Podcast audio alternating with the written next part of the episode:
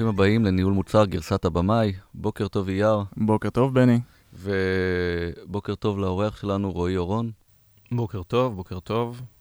אז uh, ככה לכל המאזינים, רק שידעו שרועי הוא הגיע מחיפוש אורגני, מה שנקרא, um, פנה אליי בלינקדין, אמר שהפודקאסט מאוד מעניין, אני ישר ככה דגתי את ההזדמנות כדי להזמין אותו להתארח.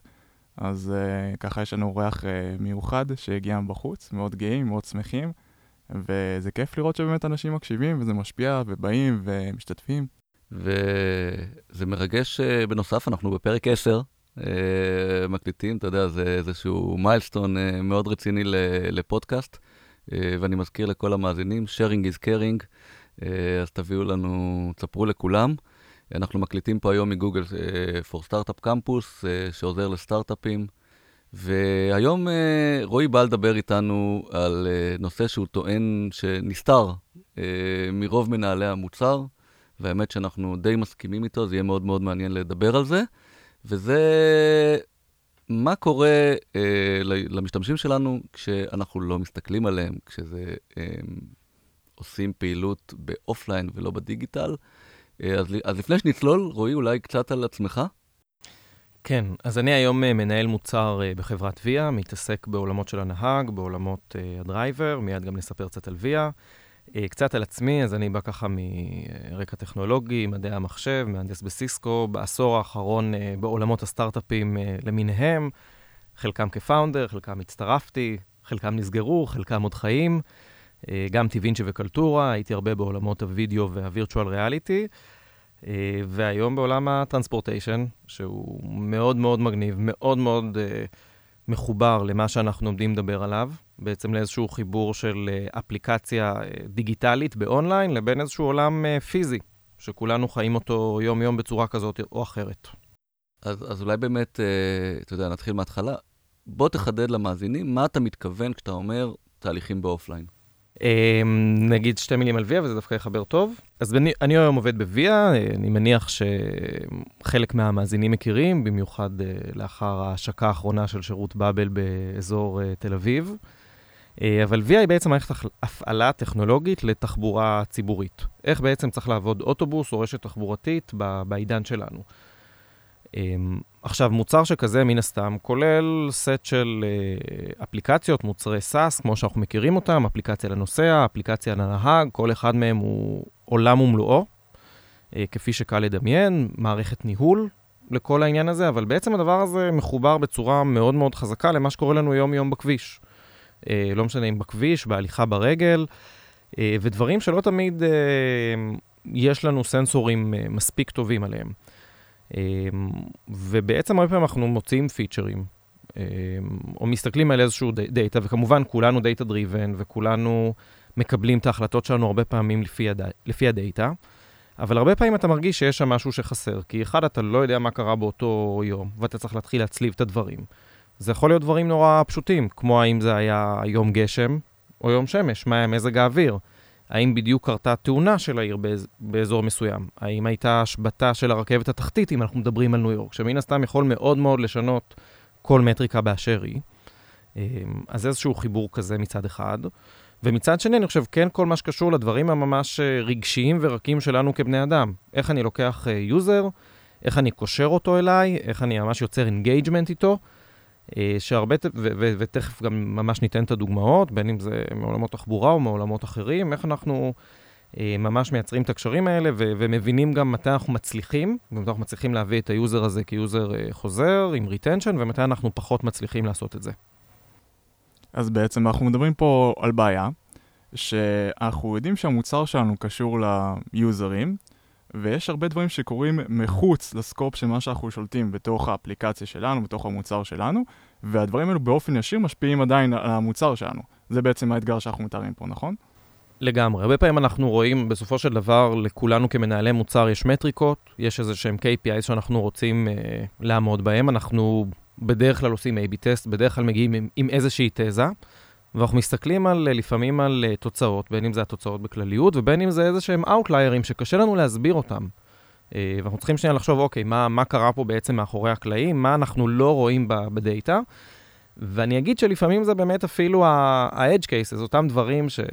כמנהלי מוצר, שאנחנו מדברים על MVP, אוקיי, בוא, בוא שנייה, אנחנו, קל לנו להגיד, בוא נשאיר את מקרה הקצה לסוף, בוא נתחיל עם המיינסטרים, אבל כשאתה מדבר ב scale גדול, אז אפילו אירוע שקורה פעם אה, אחת לאלף או אחת לעשרת אלפים, כשאתה מדבר על אה, scale כמו ש Via היום נמצאת בו, אה, לא, בטוח שזה, לא בטוח שזה מספיק טוב. כי גם אם משהו קורה אחת לאלף, אחת לצורך העניין לאלף בקשות נסיעה, יכול להיות שהוא קורה לנוסע פעם בחודש.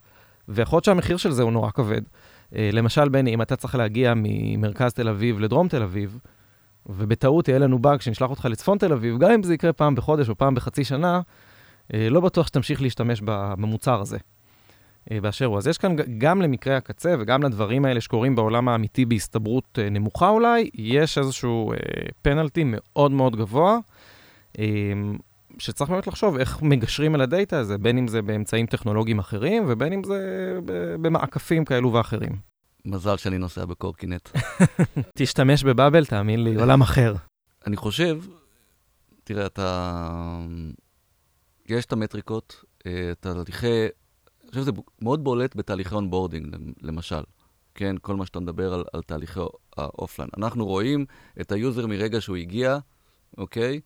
אה, ויכולים למדוד כל מיני דברים, הצליח ב onboarding, לא הצליח, נכנס, השתמש בשירות, אה, אבל מה קורה לפני, אוקיי? כלומר, התהליך של onboarding מתחיל לפני, אולי כשהוא שמע על השירות, אני יכול לתת דוגמה גם ב-B2B, נגיד כשהיינו ב Augury, אז בעצם חילקנו, עבדנו עם טכנאי מיזוג אוויר, חילקנו להם מכשיר, חיישן אולטרסאונד ויברציה שמתחבר לטלפון, אוקיי? אז ברגע שהוא מתחבר ומתחיל להשתמש, אני יכול לראות אם הוא אה, משתמש, אה, לחשוב איך אה, לשפר את השירות, אבל אחת הבעיות הראשונות היה, בסוף הקורפורט קונה, זה עבר זמן עד שבכלל פתחו את הקופסה.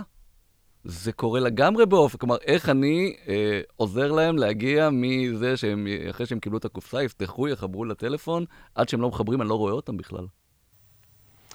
אין ספק שיש כאן אתגר מאוד גדול. אה, הרבה פעמים זה לפעמים כי, כי פשוט עבר זמן, כי קנינו ושכחנו, כי היה זמן משלוח, כי מי שקנה זה לא מי שמשתמש. ואנחנו כולנו מכירים את, את הפתרונות הטריוויאליים הטובים, טריוויאליים בקטע טוב. אוקיי, בוא נשלח אימייל, בוא נשלח תזכורות, בוא אה, נבדוק, בוא נחכה ככה בכיליון עיניים לראות שהמשתמש ישתמש במוצר. אבל אני חושב שהרבה פעמים הפתרונות הם ממש לחתור למגע פיזי. אני יכול לתת איזושהי דוגמה מסטארט-אפ שהגיע להתייעץ איתי, שמוכר ככה ל enterprises, אה, פעילויות לעובדים, והם סיפרו לי שאחרי שהם סוגרים את המכירה, הם באים לשיחת החברה ומספרים על המוצר לעובדים. ואז שולחים אימייל, וכמות הנרשמים היא קטנה מאוד. אה, ואז אמרתי להם, רגע, שנייה, אבל כבר, כבר הגעתם למשרד, כבר הגעתם לחברה. בואו, תעברו, תפתחו, לא משנה, דוכן לשעה, תעברו ממש בין עמדות העבודה של העובדים ותציעו להם להירשם, תייצרו, אין מה לעשות, עם כל ה... ה passion, אה, אני חושב, של כולנו לטכנולוגיה ול, ולדיגיטל, יש בכל זאת משהו, מבין, יותר קל להתעלם מאימייל מבן אדם שעומד לך, שאתה פוגש אותו בעולם האמיתי. אה, אז איזושהי דוגמה אחת שממש נתקענו בה, אבל גם בעולמות התחבורה, אה, ואני יכול לדבר אפילו על חברות אחרות ב space, כמו Lyft. Lyft משקיע בימינו סדר גודל של 100 מיליון דולר. המון כסף, 100 מיליון דולר במרכזי שירות לנהגים. אה, העולם שבה, שבו אני, המוצרים שאותם אני חי, מן הסתם גם אה, לנו יש דברים דומים, שהמטרה שלהם הוא לייצר engagement לאותם נהגים, לאותם אנשים שפותחים כל יום את האפליקציה. צריכים להחליט, אחד, האם אנחנו באים לנהוג או לא. כי ההחלטה הזאת היא החלטה יומיומית מצד אחד. ומצד שני, מי אני נוהג? האם אני נוהג עם אובר? האם אני נוהג עם ליפט? האם אני נוהג עם ויה? איך אנחנו מייצרים את הקשר הזה, גם בצורה שהיא ongoing וגם בתהליך ה onboarding. האם onboarding אפקטיבי באותה מידה, לצורך העניין, וזה נכון לשתי הדוגמאות שנתנו, אם הדבר הזה נעשה בצורה אונליין לגמרי, וזה אחלה, אתה רוצה שזה יהיה, שה low touch הזה יהיה אפשרי, ולא יהיו חייבים בן אדם לכל, אה, לכל תהליך הרשמה, כאילו איזשהו מגע אנושי, או שאתה שנייה מגיע ועושה engagement לבן אדם, ומדבר איתו, ומסביר לו, ומלהיב אותו ומרעיל אותו, כפי ש... כמו שהיו אומרים בצבא, כן? אה, על המוצר, ואני חושב שגם ממה שאנחנו רואים, אין ספק שיש לזה אפקט, אה, אפקט חזק מאוד. אז אני חייב לציין שאתה העלית את הנושא הזה בהתחלה, ככה לפני שהקלטנו, זה היה לי סופר מעניין, כי אני דווקא תמיד ייחסתי את זה לבעיה של ההבדלים בין ה-user פרסונה לבין ה-champion שהוא בכלל בארגון, אז אולי תוכל לחדד קצת לגבי העניין הזה.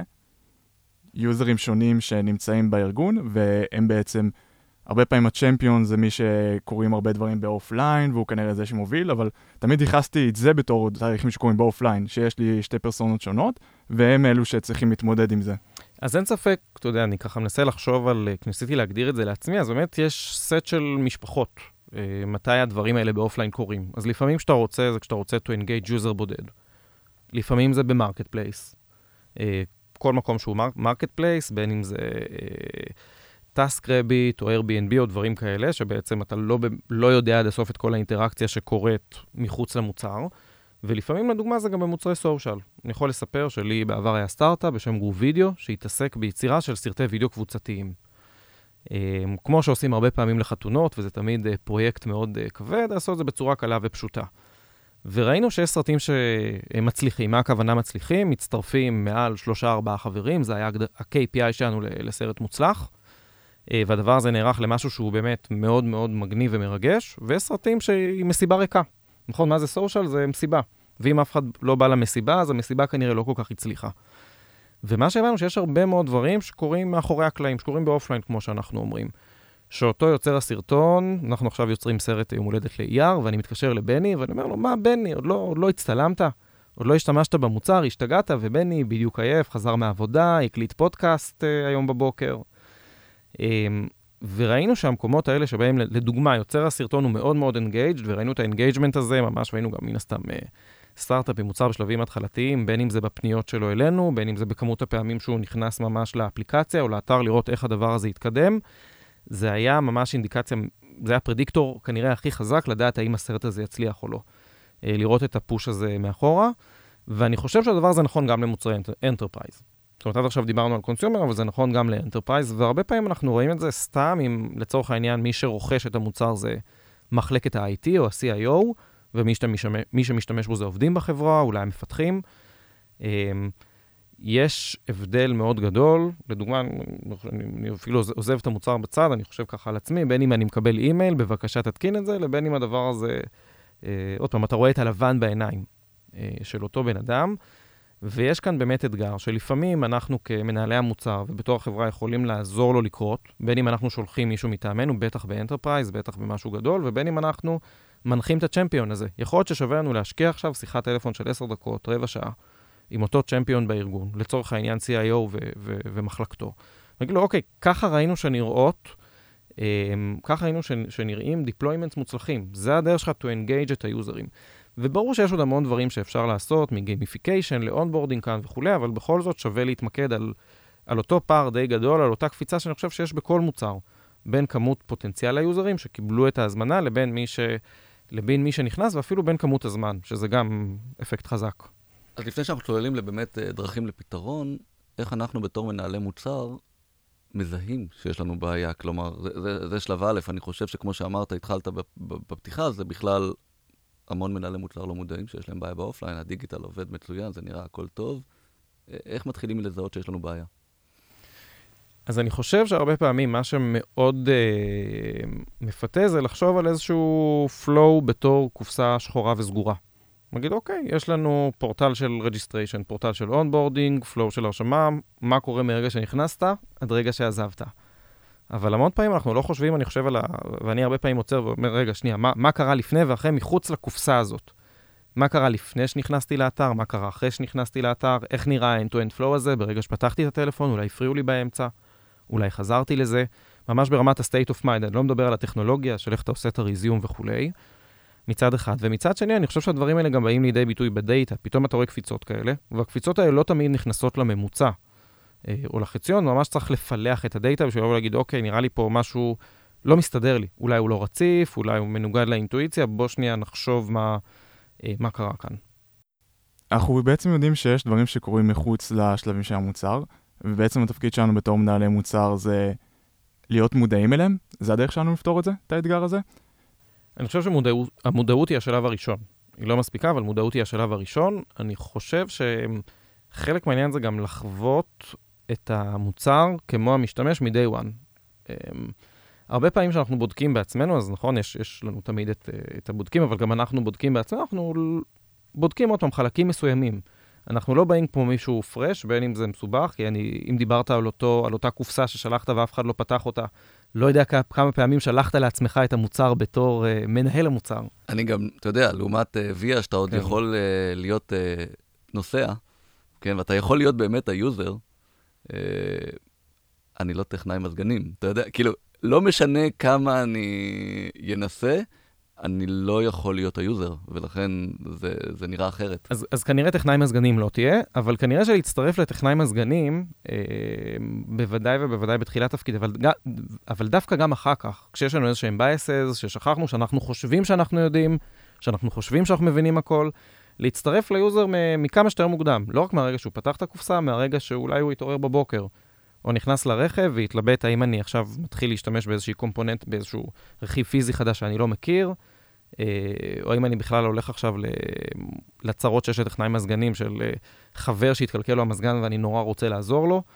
אה, אז ממש להצטרף ליוזרים ולהיות כמה שיותר זבוב קטן על הקיר ולא להשפיע, ויש כאן תמיד בניסויים פיזיים, קוראים לזה ככה התנהגות של נסיין, גם שעושים בניסויים אקדמיים, שהרבה פעמים אתה נורא רוצה שהניסוי יצליח. זאת אומרת, כשאתה בא לטכנאי המזגנים, הוא נורא רוצה להרשים את בני. להראות איזה חכם הוא ואיזה מוכשר הוא ואיך הוא יודע להשתמש לבד ואיך הוא לא צריך אותך שתסביר לו. אמ, וזה, וזה באמת קשה, כי ברגע שאתה נכנס גם אה, לרכב, אז משהו בהתנהגות של מי שאתה רוצה לראות את ההתנהגות שלו משתנה, אבל בכל זאת, כנראה שאם תעשה את זה אה, מספיק זמן ומספיק פעמים, אה, אתה, אני כל פעם שאני נכנס לרכב, ואומנם השירות, לדוגמה, של ויה הושק לאחרונה בתל אביב, אבל מן הסתם השתמשתי בו גם הרבה ברחבי העולם, אה, מכל נסיעה כזאת חזרתי עם תובנות. שכאילו ידעתי אותם קודם, מה, לא ידעתי שיש אה, אה, אולי דברים שצריך לשפר, אבל כשאתה חווה את זה בעצמך, זה אפקט שהוא אחר לגמרי, אה, וזה ממש כאילו בעיניי mind blowing. החוויה הפיזית הזאת של אותו end-to-end flow. אז אם באמת נחזור לדוגמה הראשונית שנתת לגבי הסרטונים, מה עשית שונה שהשפיע מהאופליין על ה-engagement עם המוצר? כן, אז אם נחזור לדוגמה של גרובידיו, אותו באמת אה, מוצר שבו חברים יוצרים אה, מוצרים ביחד, אז בהתחלה השקענו הרבה מאוד באיך אנחנו עושים engagement לכל הקבוצה. יצרתי סרט ליאיר, הזמנתי 50 חברים, איך אני מתזכר את אותם 50 חברים באמצעי התקשורת שיש לי שלהם. שבזמנו זה היה בעיקר אה, פייסבוק, אז לשלוח להם תזכורות, בין אם זה היה אולי דרך האימיילים שהצלחנו להוציא מהפרופילים שלהם, בין אם זה היה לייצר איזשהו event עם רימיינדרים. והיה לזה מן הסתם הצלחה מסוימת, אבל אני חושב שעם הזמן, מה שגילינו זה שבעצם אה, לרתום את מי שבעצם שם כאן באיזשהו מובן את המוניטין שלו על הכף, יוצר הסרטון, את מי שבא ואמר, אני מוריד אפליקציה, אני מספר לכם עליהם, בכבוד שלי, שליאר יהיה עכשיו הפתעה יפה ליום הולדת, ולדבר איתו. ולדבר על זה ממש יכול לשלוח אה, אימייל כזה חצי אוטומטי, אה, שנראה מאוד אישי, ויכול אפילו לצאת מבן אדם בחברה, לא איזה משהו שנראה do not reply please, אלא משהו שאומר, אהלן, אני רועי, אה, אני עובד עכשיו בגרו וידאו, או בוויה, או לא משנה, בכל חברה באשר היא, ואני רוצה גם לשמוע איך היה לך, וגם לספר לך מה עושה את הסרט שלנו מוצלח. אה, אולי, תז... אולי אתה תזכיר לאנשים, אולי תרים אליהם טלפון, אולי תשלח להם וואטסאפ, אולי תשלח להם איזושהי דוגמית. אה, אולי, תש... אולי תעשה להם רגשי עם זה שתשלח להם תמונה של ER, ילד היום הולדת שלנו, ו-ER יהיה נורא מאוכזב אם אתה לא תופיע בסרטון, וספציפית במוצר הזה, מאיזושהי נקודה זה גם איזשהו FOMO. fear of missing out כזה. מה, שכולם יהיו במסיבה ורק אני לא אבוא? אמ, אז ממש להשתמש באותם טריקים, ועוד פעם, אנחנו לוקחים כאן דוגמה שהיא במרכאות סקסית, כי זה מוצר consumer וברור, ומי לא ירצה להשתתף בסרט ליאיר ולשמח את יאיר, אבל אני חושב שאותם עקרונות עובדים גם במוצר enterprise, אה, סליחה על כל המרכאות, אבל במרכאות משעמם, אמ, כי עדיין אתה יכול להשתמש באותם uh, טריקים, בין אם זה ברמה הרגשית ובין אם זה ממש, ממש ברמת התקשורת הפיזית והאנושית, בשביל לשפר conversion. בואו נדבר קצת אז, uh, על סימפטומים. אני למשל uh, חושב שאני uh, פותר את התהליכים של האופליין, או אולי אני אפילו לא יודע, מה הסימפטומים שאני אמור להרגיש במוצר שלי ובתור מנהל מוצר, כדי שאני אדע שאני אולי לא ירדתי לעומק, או שאני לא מתייחס לזה בכלל, כמו שצריך. אז קודם כל זה קשה, כן? הדברים האלה באופליין זה לא מה שאנחנו, הרבה פעמים זה לא מה שאנחנו יודעים שאנחנו לא יודעים, זה מה שאנחנו לא יודעים שאנחנו לא יודעים. אז זה, הגדרה של blind spot בעצם, אז, אז באמת יש כאן אתגר. Um, אני חושב ש... לכולנו יש את הדברים האלה, שמצ... אז אני חושב שזה בא מכמה נקודות, זה לא איזושהי תשובה אחת. אז מצד אחד זה הדברים שאנחנו מרגישים בבטן, שאוקיי, נתנו כאן במרכאות איזשהו הסבר או, או תירוץ, אבל אנחנו מרגישים שזה לא יושב עד הסוף. מצד שני, זה כמה אנחנו באמת מכירים את היוזרים שלנו, ואיך הגענו איתם לאינטראקציה, בין אם זה להתלוות אליהם, בין אם זה ממש לדבר איתם. ועם כל הכבוד ל-surveys, שזה עוד פעם סוג של דאטה שהוא אחלה, ואנחנו עושים, ואתה לומד מזה הרבה, ואני לא מזלזל בזה לרגע, יש הבדל נורא גדול מש... בין זה לבין ממש לדבר עם המשתמש על מה שאתה לא שואל אותו. אני חושב שאחד המפתחות הכי חשובים לזהות בעיות בתהליכים offline זה באמת מה שאמרת, אבל relationship ארוך טווח עם היוזרים. כלומר, אתה לא יכול לעשות עם כולם, אז אם זה ב-enterprise, אז עם איזה חמישה-שישה לקוחות גדולים שיש לך ממש ממש relation אה, קבוע, או אם זה ב-consumer, אז שיהיו לך את הכמה משתמשים שאתה, שאתה יכול לדבר. כי אם אתה, אתה יודע, אם, אם אתה נהיה חלק מהפסיכולוג שלהם, כן? אה, אז מתחילים לצוץ הדברים שהם אה, לא יספרו לך רק כי תשאל שאלות ואיך המוצר ואיך, אתה יודע, מה קורה. וניקח עוד פעם דוגמה, נגיד perception point, שאנחנו עושים detection. אחד הבעיות, החוויות שקורות באופליין, ואתה לא יודע אם אתה לא מדבר, זה שאם חסמתי למשתמש אימייל, שהוא ממש ממש היה צריך, לא משנה, אפילו אם בצדק, אז הוא מתקשר לאיש ה-IT וצועק עליו. איפה האימייל שלי, כן? זה לא קורה דרך המערכת. אם אני לא אהיה בקשר עם, ה, עם הלקוחות שלי, וישמע אותם, אתה יודע, מספרים את התסכול הזה, ש, שלא קשור בכלל, אתה יודע, כן, זה קשור למערכת, אבל כל מערכת הייתה עושה להם את זה. אז אני בכלל לא יודע, תראה, כלומר, אפשר לדבר על איך פותרים וכל מיני דרכים, אבל, אבל אני בכלל לא יודע מזה. זה לא יקרה משיחות אה, דגימה. אין ספק שזה לייצר איזשהו בורד של אה, לקוחות, עוד פעם, זה לא משנה אם זה מדובר על אה, B2C או B2B, אה, זה דרך מאוד חזקה ולייצר את אותו ריליישנשיפ ארוך טווח. כן, באיזשהו שלב גם כדאי לעשות שם איזשהו רענון בשביל לראות שאותם אה, לקוחות שהם חברים, וזה אחלה שהם חברים, לא נהיים חברים טובים מדי, שזה טוב אולי ברמה האישית, אבל אולי פחות טוב למוצר לפעמים. אמ, וממש גם לשמוע מהם ולקחת לקוחות מייצגים, לא לקחת את כולם מאותו, מאותו טייפקאסט. וברגע שאתה גם עובר מאיזשהו מקום מ- מלהיות רק ספק ללהיות uh, יועץ, אה, ולבוא אליך עם דברים שהם לא קשורים. אז מצד אחד הם יבואו ויספרו לך על בעיות שקשורות למוצר, אבל מצד שני הם גם פתאום יבואו אליך עם בעיות אחרות, שלפעמים אולי סתם תוכל לעזור להם, אבל לפעמים זה ממש רעיונות, אוקיי, זה בעצם כן חלק מה-vision של החברה שלי, אולי יש כאן אפשרות ל-product line חדש. לא מדבר על הדברים שהם uh, obvious ברמת ה-feature. Uh, אני חושב שזה גם מעניין לראות איך חברות אחרות בשוק פותרות את זה לפעמים, שלפעמים הפתרונות הם... Uh, uh, יש פתרונות אגרסיביים, כמו בוא לא נרשה תקשורת מחוץ לאפליקציה ב-marketplace. לא יודע אם אי פעם, לפני שהזמנתם דירת Airbnb, ניסיתם לייצר קשר עם ההוסט, מחוץ, ל, מחוץ לצ'אט. אמ, ואני ניסיתי לעשות את זה, באמת לא, לא חיפשתי לבדוק את המוצר, אבל זה היה ככה מאוד מעניין. אמרתי לו, אוקיי, בוא נדבר בטלפון, זה לא חשוף באתר, תשלח לי את המספר, בוא, בוא נחליף מספרי טלפון. אתה שולח את ההודעה עם המספר, כותב את המספר, בום, Airbnb חוסמים את זה, לא מרשים לשלוח את המספר. אז אמרתי, טוב, מה, אנחנו ישראלים, אנחנו לא נמצא האקים, אז מה נעשה במקום לכתוב את המספר בספרות? נכתוב אותו במילים. כאילו נכתוב 050, אז 050, לא עובד. חוסמים גם את זה. אבל אתה יודע שזה נובע מסיבה אחרת. זה דווקא פה זה... לא, לא בעיה של תהליכי אופליין, אלא, אלא זה, זה נובע מזה שהם אה, לא רוצים אה, שיסגרו ש... את העסקה בלעדיהם. בדיוק, מנצלים בעצם, מנצ... יש אה, ונדורים שמנצלים את הפלטפורמה שלהם, בעצם לסגור ביותר זול, בלי העמלות, אז, אז אני לא בטוח שזו הדוגמה הכי טובה. זה, זה נכון, ואין ספק שזו בעיה אינהרנטית של כל marketplace, איך אני דואג שהטרנזקציה ת... תהיה דרכי, אבל אני חושב שעדיין גם כ-marketplace, יש לך הרבה מקומות שאתה יכול לתת value, ואפילו Airbnb עצמם כדוגמה, גם מבחינתי, גם כמארח, כמי שמשכיר לפעמים את דירתו, אמ, אז נכון שזה אולי קצת פחות רלוונטי בישראל, אבל בארצות הברית הכיסוי הביטוחי שלהם הוא משהו ששווה הרבה. זה שיש לך עכשיו ביטוח, שגם אם הגיע אורח שבתכלס אתה גם לא מכיר אותו, אה, יכול לתת את זה לדוגמה feature אחד. אם אני חושב על עולם של תחבורה, על כל ה-end-to-end flow הזה, רגע, מה קורה פתאום, איך אני רואה איפה הנהג נמצא, ומתי הוא בא לאסוף אותי, ועוד כמה זמן נשאר, ואולי פתאום מתחלף הנהג כי, כי הוא נתקע בפקק, אמ, או אולי פתאום הוא הגיע לצד השני של הכביש וכולי. אני חושב שגם ל-marketplaces יש uh, דרכים לתת value מעבר לזה, um, וזה נכון, זה, זה, זה חלק מה-challenge של market uh, place, איך רואים שלא עוקפים אותו. Um, אבל גם כאן, עובדה שהצורך הזה קיים. עובדה שהצורך הזה קיים. ודרך אגב, בלי השיחה הזאת גם uh, לא הייתה מתבצעת הטרנזקציה. אז, אז זה נכון שיש לך איזשהו חשש, אבל עם, עם החסימה של התקשורת האנושית הזאת, אתה גם מפסיד. מה יותר גדול? מה שיותר נכון לכל מוצר, ואני בטוח ש-Airbnb חברה מעולה יודעת לעשות את החישובים שלה. אבל יש יתרונות וחסרונות לזה.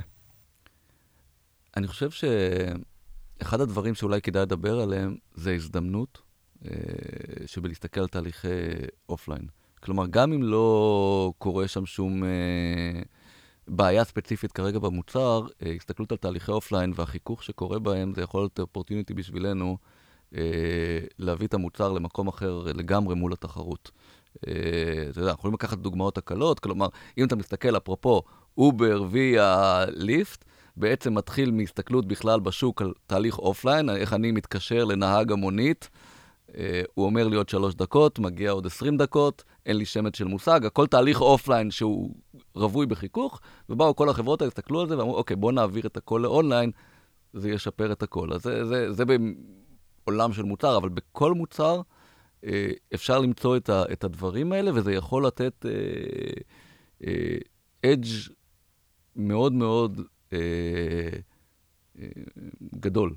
אה, יכול לקחת, עוד פעם, נגיד עוד פעם דוגמה מאוגורי, אז כשהטכנאי הלך לשטח ויש אנליסט שיושב בהדקווטר, אז אתה יודע, אז לפעמים הוא מתקשר אליו ושואל אותו לעזרה. ואחד התהליכים שהוספנו זה, ממש, זה, זה, זה, זה צ'אט בנוי בתוך, ה, אתה יודע, בתוך האפליקציה ביניהם. וברגע זה פתאום גם נתנו להם value עצום, אה, של יכולת תקשורת מיידית ולקבל אה, תשובה, וגם, פנימית זה הוסיף לנו, וואי, פתאום ראינו את התקשורת שלהם, וכמה אתה לומד מזה, ואתה יודע, אה, ואחד אומר כמה הכלי הזה נפלא, ואחד אומר שיש לו בעיות, אתה יודע, אז אתה רואה גם, גם את הטוב, גם את הרע, שאולי ככה לא היו אומרים לך. אז, אז יש ממש הזדמנות בלהסתכל על תהליכי אופליין. לגמרי, ויה לדוגמה הייתה, אה, ואני חושב שזו דוגמה מעולה, הייתה אחת החברות הראשונות שתחשוב שאתה עכשיו בשטח, מחכה לנוסע, ועוד באיזשהו משהו שהוא אוטובוס, כן, מעין תחבורה ציבורית, ויכול להיות ש... אמ, כנוסע, יכול להיות שהרכב יקדים בדקה, יכול להיות ש-ER יקדים בדקה, אתה ככה מחכה לו בתחנת האוטובוס, יש עוד עשרה אנשים ברכב שמחכים, זו סיטואציה יותר מלחיצה ממה שנשמעת בהתחלה.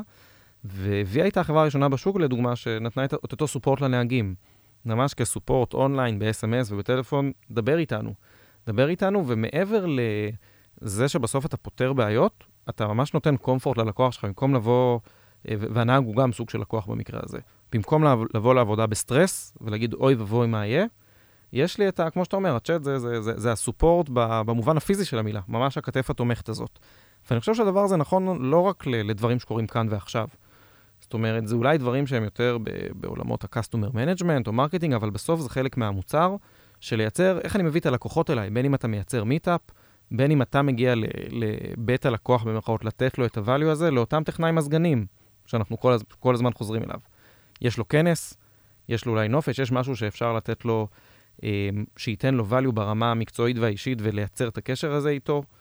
אמ, זה הזדמנויות שאסור אה, לפספס אותן, והרבה פעמים הן קורות, קורות ואנחנו לא שמים לב לזה, לא שמים לב לזה בכלל. תהליכי האופליין הם בעצם מתרחשים גם לפני שמשתמשים במוצר שלי. הרי אפשר להגיד ש marketing זה בעצם בדיוק הדומיין הזה, של איך אני בעצם משכנע את הבן אדם שהוא יבין שהוא צריך, שהוא רוצה, שהוא צריך לנסות. ודוגמה יפה זה למשל, אני יודע שווקמי בהתחלה, מה שהם עשו, הם, בגלל שהמוצר שלהם היה מאוד uh, חדשני במה שהוא עשה באותה תקופה, היה מאוד קשה לאנשים שהבינו את הצורך במוצר שלהם, לשכנע את, ה, את הפרסונות הנכונות בארגון לקנות. אז מה שהם עשו כדי לפתור את העניין הזה, הם היו מספקים לך מצגת, by WalkMe, שמסביר בדיוק למה צריך את WalkMe, אבל זה לא ברנדד WalkMe, ואז אותו בן אדם גם יכול להציג את זה. אז זה גם דוגמה יפה לאיזשהו תהליך שאפילו קורה לפני שבכלל יש engagement עם המוצר עצמו, אבל כדי להתחיל את ה engagement, גם כן יש משהו שקורה באופליין, ושאתה בתור מוצר צריך לדאוג לו, ואתה צריך לטפח אותו ואתה צריך לחשוב עליו. אז זה מחזיר למה שאתה אמרת. הדרך הכי טובה בעצם אה, לטפל בבעיה של האופליין, זה להיות מודע לאופליין. כי הרי אם הם היו באים והולכים ומסתכלים על היוזרים הקיימים שלהם, WalkMe, הם לא היו רואים שיש בעיה ב- בכלל להביא את ווקמי, הם ישר היו מסתכלים על זה מתוך הנקודה שהם נכנסו. אז באמת, זה משהו שהוא מלווה את הכל. הוא מלווה אותנו עוד לפני שהבן אדם הראשון בכלל התקין את האפליקציה, לפני שהבן אדם השני השתמש באפליקציה. זה משהו שאנחנו תמיד צריכים שהוא יהיה לנו בראש, ואנחנו תמיד נסתכל עליו. אני נורא אוהב את הדוגמה שנתת, כי היא מתעסקת בעולם נורא מורכב של יצירת תוכן. אז אנחנו יכולים לחשוב על פייסבוק, כמה אנשים עושים, לכמה פוסטים אתה עושה לייק. אה, כנראה ש... כמה פוסטים אתה רואה הרבה, מתחת לזה ב funnel, לכמה אתה עושה לייק, כנראה שקצת פחות. על כמה מהם אתה מגיב ועוד פחות, וכמה אתה מפרסם בעצמך. עוד פחות. אז יצירת תוכן זה עניין מורכב. ו WalkMe זה דוגמה מדהימה בעולם ה enterprise לזה שבעצם אה, חברה שעכשיו עושה onboarding ל WalkMe צריכה לייצר שם איזשהו תוכן שרלוונטי לחברה שלה. אז כשהשוק מחונך וכולם יודעים ומבינים את הצורך, זה כאילו קל, אנחנו אף פעם לא באמת מגיעים ל holy grail הזה. אמ, בטח בעולמות של סטארט-אפים, בטח בעולמות שאתה עושה דברים שהם מאוד innovative ומתחיל from scratch. ואני חושב שהסוד שם הוא ממש לקחת את, הרבה פעמים, בטח את הלקוחות הראשונים, יד ביד וליצור איתם את התוכן. זה לא משנה אם אתה יוצר איתם בשביל זה, זה לא משנה אם אתה נותן אולי אמ, איזושהי חברת צד שלישי. איך אתה חושב, אוקיי, אני, אני, אם אני עכשיו WalkMe, אני כנראה אמ, לא מפיק וידאו במקצועי, נותן פלטפורמה ליצירת הסרטים האלה ולהפצה, בתוך, ולהפצה שלהם בתוך הארגון. אבל יכול להיות שבשביל הלקוחות הראשונים, הדבר שנכון זה לעזור להם לייצר את הסרטים האלה, ממש עם מישהו מקצועי שזה ראה מיליון דולר. Um, והדבר הזה אפילו, יכול להיות שאפילו שווה אפילו לעשות אותו על חשבון החברה לפעמים. ממש כחלק של לייצר את אותם success stories ראשונים ולהבין, אוקיי, מה בעצם הפער בין אותו סרטון שאולי הלקוחות הראשונים של ווקמי יצרו לבד, לבין אותו בית הפקות מקצועי. על מה אפשר לגשר ועל מה אי אפשר לגשר. ואם אני חוזר לאותה דוגמת גרוב וידאו של הסרטים הקבוצתיים, אחד הדברים הנחמדים שעשינו זה, אם דיברנו שאף אחד לא רוצה להיות חלק ממסיבה ריקה, ממש קנינו פילרים. אז אם יצאנו סרט יום הולדת לאייר, ואף אחד לא הצטלם אליו, אז ממש היה שם uh, שלושה ארבעה חבר'ה שנערכו אוטומטית, וברכו את אייר ליום הולדת, למרות שהם שחקנים והם לא אמיתיים, בשביל לתת את אותה תחושה של תוכן. Uh, אז התוכן הזה לפעמים אפשר לייצר אותו גנרי, כמו בדוגמה של גרוב וידאו. לפעמים צריך, צריך לעבוד קצת יותר קשה בשביל לייצר אותו, כמו, לא יודע אם ווקמי עשו את זה או לא. Uh, אבל אם אנחנו מדברים על ה-flow ההוליסטי, זה לא רק flow הוליסטי באופליין של המוצר שלך, זה flow הוליסטי על הכל. אה, ובדוגמה של ווקמי זה איך אני ממש מייצר את הסרטונים עצמם, איך אני חושב בכלל למה אני צריך לייצר סרטון. נגעת אולי בנקודה שאולי שווה קצת להכליל אותה, של באמת אה, מה שהרבה אה, חברות עושות, במיוחד בהתחלה, כדי לנסות להבין את התהליכים, כדי לראות מה, מה קורה ואיפה היוזר נופל גם בחוץ, בפנים, בתוך המוצר, זה מה שנקרא שירות קונסיירג'. כן, אתה עושה את זה איתו, אתה עוזר לו, ותוך כדי זה באמת אתה, אתה רואה בעיות, וזה דרך לגלות חלק מבעיות האופליין, אה, אבל זה, זה, זה רק חצי, כי זה בעיות בממשק האופליין בתוך הממשק הדיגיטלי, אז, אז אני לא בטוח שזה מלווה את הכל. אה, אולי ככה, אתה יודע, לקראת סיום, נפתיע את יאר באיזה, באיזה תרגיל. אה, אתה יודע, מדברים על אופליין, ואמרנו שאנחנו רוצים לזהות אה, איך אנחנו מזהים כ... כ- אה, שאיפה היוזרים שלנו מבלים, אז זה בדרך כלל מתחיל באיזשהו, נכון, brainstorming, לחשוב אה, איפה התהליכים. אז, יאר, יש לך מוצר ל DevOps. בוא ננסה לחשוב איפה, ובוא דווקא לא נדבר, דיברנו המון על תהליך הקנייה וה onboarding, אז, אז בוא לא נבלה שם, בוא ניקח חברה שלקחה את המוצר שלכם, ואולי תסביר בחצי דקה מה המוצר עושה, והם עובדים איתו, ואיפה יכולות להיות אה, בעיות באופליין. יאללה, אוהב את התרגיל. אז המוצר שלנו הוא בעצם מיועד לצוותי, אה, לצוותי פיתוח, אבל אה, כמו בכל מוצר, יש את ה champion ויש את ה user persona, אה, user סליחה שמשתמש. אז מי שמשתמש, מי שבעצם חווה את המוצר, זה כל מפתח בארגון. מישהו ה champion, מי שבא ועושה את ההתקנה, זה בדרך כלל ה DevOps. כי ה DevOps מכל אה, מחקרים, מכל הניסיון שלנו, אנחנו רואים שה DevOps הם אלו שאחראים על הבעיה שאנחנו פותרים, שהבעיה היא visibility ו governance לארגוני פיתוח.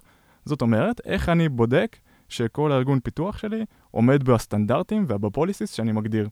לצורך העניין, אני רוצה לוודא שכולם משתמשים באיזשהו אה, SDK בגרסה מסוימת, איך עכשיו יש לי 30, 40, 100 אלף מפתחים, איך אני מוודא שכולם עכשיו עומדים באותם סטנדרטים וכולם עושים אותו דבר. כי אני צריך את זה כדי לוודא שה production תמיד למעלה. זה מאוד מעניין שמה שקורה זה שיש בן אדם אחד שהוא אותו champion, שהוא פתאום בא, מגיע לאיזושהי החלטה שצריכים להתקין את המוצר. מי שחווה את זה, זה למטה בשרשרת, זה בעצם כל אותו מפתח. יכול להיות שהוא בחיים לא שמע מה זה Datree, הוא לא ראה אף פעם מה זה Datree, ופתאום הדבר הזה הוא integrated בתוך ה-workflow שלו. הוא בא, הוא פותח pull request, וזה יושב לו על ה-pull request. פתאום הוא רואה משהו חדש שהוא לא ראה לפני. אז אנחנו למשל אה, פתרנו את זה בהתחלה אמ, אבל זו פריבילגיה שאתה יכול לעשות רק עם הלקוחות ה design partner הראשונים. אז באנו, עשינו מיטאפ, כמו שאתה אומר, להסתכל בלבן בעיניים. אנחנו בעצם באנו, ועשינו מיטאפ ודיברנו על, למרות שכבר מכרנו את המוצר להנהלה, ל champion שלנו, לאותו DevOps, עדיין באנו והבאנו את כל המפתחים בארגון, הבאנו פיצות עלינו, הבאנו פרסים עלינו, ובעצם הראינו להם מצגת של איך הם היום עובדים, איך זה היום משתלב להם בתוך תהליכי העבודה, וגם מה ה-value שהם יקבלו. ואז אתה בעצם לא נופל עליהם משום מקום עם אימייל כזה חצי אפוי שאף אחד לא באמת קורא, אלא יש איזשהו דיבור, כי כמו שאתה עושה דברים באופליין, יש גם אופליין לאופליין שלך. אז אנשים דיברו לפני על המיטאפ, דיברו אחרי על המיטאפ, כל הדברים האלו קורים מסביב.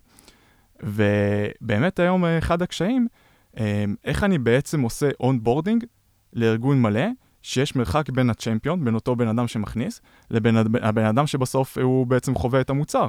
יש איזשהו דיסוננס בין השניים. איזה עוד תהליכים יש אולי, אתה יודע, כאילו, אתה מדבר על איזשהו governance של compliance, כאילו, לתוך ה... כל הקומיטים וכולי, מה לגבי, נגיד, לא יודע, אולי תהליך של קוד ריוויו שקורה באופליין, אה, בין שני מפתחים ואתם בכלל לא רואים אותו. נכון, זו נקודה מאוד uh, טובה. אז אתה גם לא יודע שמה היה הפידבק של אותו, של אותו, uh, באותו תהליך קוד ריוויו. הרי אם מישהו תיקן, פוליסי נפל, אחר כך פוליסי תוקן. האם זה קרה כי קרה משהו באופליין, שמישהו אמר לו, ישב לו עם נבוט על הראש ואמר לו תתקן את זה, או שהוא בעצמו הבין את התובנה שהוא קיבל מהמוצר שלנו, שהוא צריך לתקן את זה. עכשיו, לשני המקרים, אחד זה ה-Holy Grade, הוא הבין בעצמו והוא תיקן, שזה בדיוק מה שאנחנו תמיד שואפים וזה מה שאנחנו תמיד רוצים. המקרה השני הוא פער מאוד גדול, ש, שבאמת אם זה המקרה הזה, אנחנו חייבים לטפל בזה. כי זה אומר שהמפתח הבודד, הוא לא מבין את הvalue של המוצר, והוא לא באמת אוהב אותו. אז זה למשל משהו שאנחנו באמת צריכים לזקק אותו ולהבין אם הוא קורה. אז מה שאנחנו עושים uh, היום, זה עדיין ברעיונות, רעיונות פרסונליים. זה לש... לדבר עם אותו צ'מפיון, לשאול אותו, תגיד, כמה פעמים הם באו אליך והתלוננו על המוצר, ואמרו שהוא חרא ושהוא לא עובד ושהוא לא טוב? מצד שני, כמה פעמים אמרו לך שהוא כן טוב, שהוא תפס, שהוא, שהוא מנע ממך להכניס uh, קיז לתוך הקוד שלך? אז כמובן שגם אפשר לעשות את זה בכל מיני דרכים הרבה יותר uh, מדידות בצורה מדויקת, ולוודא שכמה זמן עובר בין זה שהוא קיבל את הארור לבין זה שהוא חזר, ולעשות כל מיני קורולציות של דאטה. אבל uh, אני חושב שאחד הפתרונות הכי טובים לכל מה שקשור לאופליין, זה foot on the ground, לדבר עם הלקוחות. לדבר עם היוזרים, לדבר עם לקוחות, לדבר... כל מי שיכול לדבר איתך, תדבר איתו. אני חושב שלגבי הדוגמה שנתת, אז מה שלי קפץ, אז מצד אחד אין ספק שיש כאן איזשהו process שחלקו קורה באופליין, ומצד שני יש כאן uh, עניין קריטי של טיימינג, והרבה, כמו באג, הרבה בעולמות ה DevOps, יש הבדל אם באת דקה לפני הנפילה או דקה אחרי הנפילה, או לא משנה, בדיקת ה compliance שלא עברנו אותה. ועל פניו, אם היית יודע לבוא באותו רגע קריטי, אני מניח שזה היה משפיע דרמטית על ה conversion. עכשיו, מה זה הרגע הקריטי הזה? אולי היה איזושהי נפילה כי לא עמדו ב compliance, אולי הפסדנו עסקה, אולי לפני שהפסדנו את העסקה אמרנו, רגע, בואו נעשה איזושהי בדיקה שאנחנו עומדים בתקנים. אה, אז הדבר הזה, צריך לחשוב איך מתחברים אליו. יכול להיות שאפשר למכור את זה בתור איזשהו package אה, שבא ואומר, בוא גם נעשה לך את הבדיקה אם אתה עומד ב compliance, כי אנחנו יודעים שיצא, סתם אני ממציא, GDPR באירופה, וצריך לעשות SDK שיודע אה, למחוק פרטים כאלו ואחרים על יוזר. ויכול להיות שיש את ההזדמנויות האלה, בין אם אה, נכנסת רגולציה לתוקף, בין אם זה משהו שהוא מאוד ספציפי לחברה הזאת, ש, ש, שקרה אירוע, עומד לקרות אירוע. אה, זה לא טריוויאלי, זה לא קל, אבל אם אתה יודע לזהות את האירועים האלה, נשמע לי שזה opportunity מטורף. כי לפעמים אלף רימיינדרים אה, לא שווים את מה ש... אה, את אותו golden moment, שאתה צריך ככה לדקור אותו ברגע הנכון. כן, זה כמו למשל ב Via, שאצלם ה golden moment זה שביתות בתחבורה ציבורית, אני משער. אה, לגמרי, אבל גם בלי שביתות, אה, לשמחתנו, אה, השירות מתפקד וגדל יפה. טוב, אז uh, אני חושב שאפשר uh, ככה לחתור לקראת סיום. Uh, איזשהו, אם, אם נזקק מהדיון uh, משהו אחד שאתה, שאתה רוצה לתת, uh, רועי, למאזינים, מתוך כל הדיון הארוך הזה. אני חושב שאם נעשה שנייה zoom out, אז דיברנו הרבה על אופליין ועל, ועל איך פותרים את זה. ברור שכולנו data driven, וכשאני עבדתי בחברות בלי דאטה, רק אה, אה, הייתי מתוסכל וחיכיתי לרגע שאני אה, אחזור להתעסק בכל העושר הזה של הדאטה. אבל אני חושב שהרבה פעמים אנחנו צריכים לזכור שדאטה זה לא תחליף לתזה, או להשקפת אה, עולם, או למשהו רחב יותר, שאנחנו באים ושואלים את עצמנו לגבי היוזר. זה לא איזה oracle, דאטה זה לא תמיד oracle, שאתה שואל אותו והוא אומר לך, אה, התשובה היא 42, לך ימינה. אה, שזה הרבה פעמים מאוד מפתה, אתה, אתה יושב בדיון, אומרים, אולי נעשה ככה, אולי נעשה ככה, נראה את הדאטה. עכשיו, לפעמים זה נכון, אם הכפתור יהיה מרובע או מעוגל, זה יכול לעשות שינויים משמעותיים, ולפעמים קשה להתווכח על זה. אבל כשאתה עושה שנייה zoom out ואתה חושב על אותם, אותם דרופים משמעותיים שיש לכולנו בפאנלים, בין אם זה onboarding ובין אם זה אחרים, אה, זה ללכת קצת יותר אה, רחוק ולהגיד, אוקיי, אנחנו מסתכלים על זה בצורה הוליסטית, המוצר שלנו הוא משהו הוליסטית, וזה חלק מה ownership שלנו כמנהלי מוצר. ה ownership שלנו זה לא רק מה כתבנו ב spec, וזה לא רק מה מומש במוצר, זה ownership של להסתכל על כל התהליך, וזה נגענו כאן בכל מיני stakeholders, בין אם זה לקוחות, בין אם זה customer success, בין אם זה marketing. זו אותה הסתכלות רוחבית, ש... ש... גם מה שאני מאוד מאוד אוהב בתפקיד מנהל המוצר, שבעצם אם אנחנו לא, הסתק... לא נסתכל על זה, מי כן יסתכל על זה? אז זה באמת uh, בעיה סופר מעניינת. Uh, אם אתם uh, חושבים שאין לכם אותה, אז אתם כנראה לא הבנתם מה, מה זה, כי זה בעצם שהוא רלוונטי, זה בעיה שרלוונטית לכל סטארט-אפ, היא רלוונטית לכל חברה, לא משנה מה הסגמנט שלך.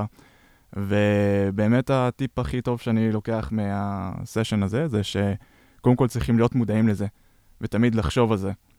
ואז ברגע שזה קיים אצלך, בתוך ה-state of mind, אז אתה באמת יכול להתחיל לפרק את זה ולהבין איפה התהליכים האלה קורים, ואיך אני בעצם מגשר על הפער הזה.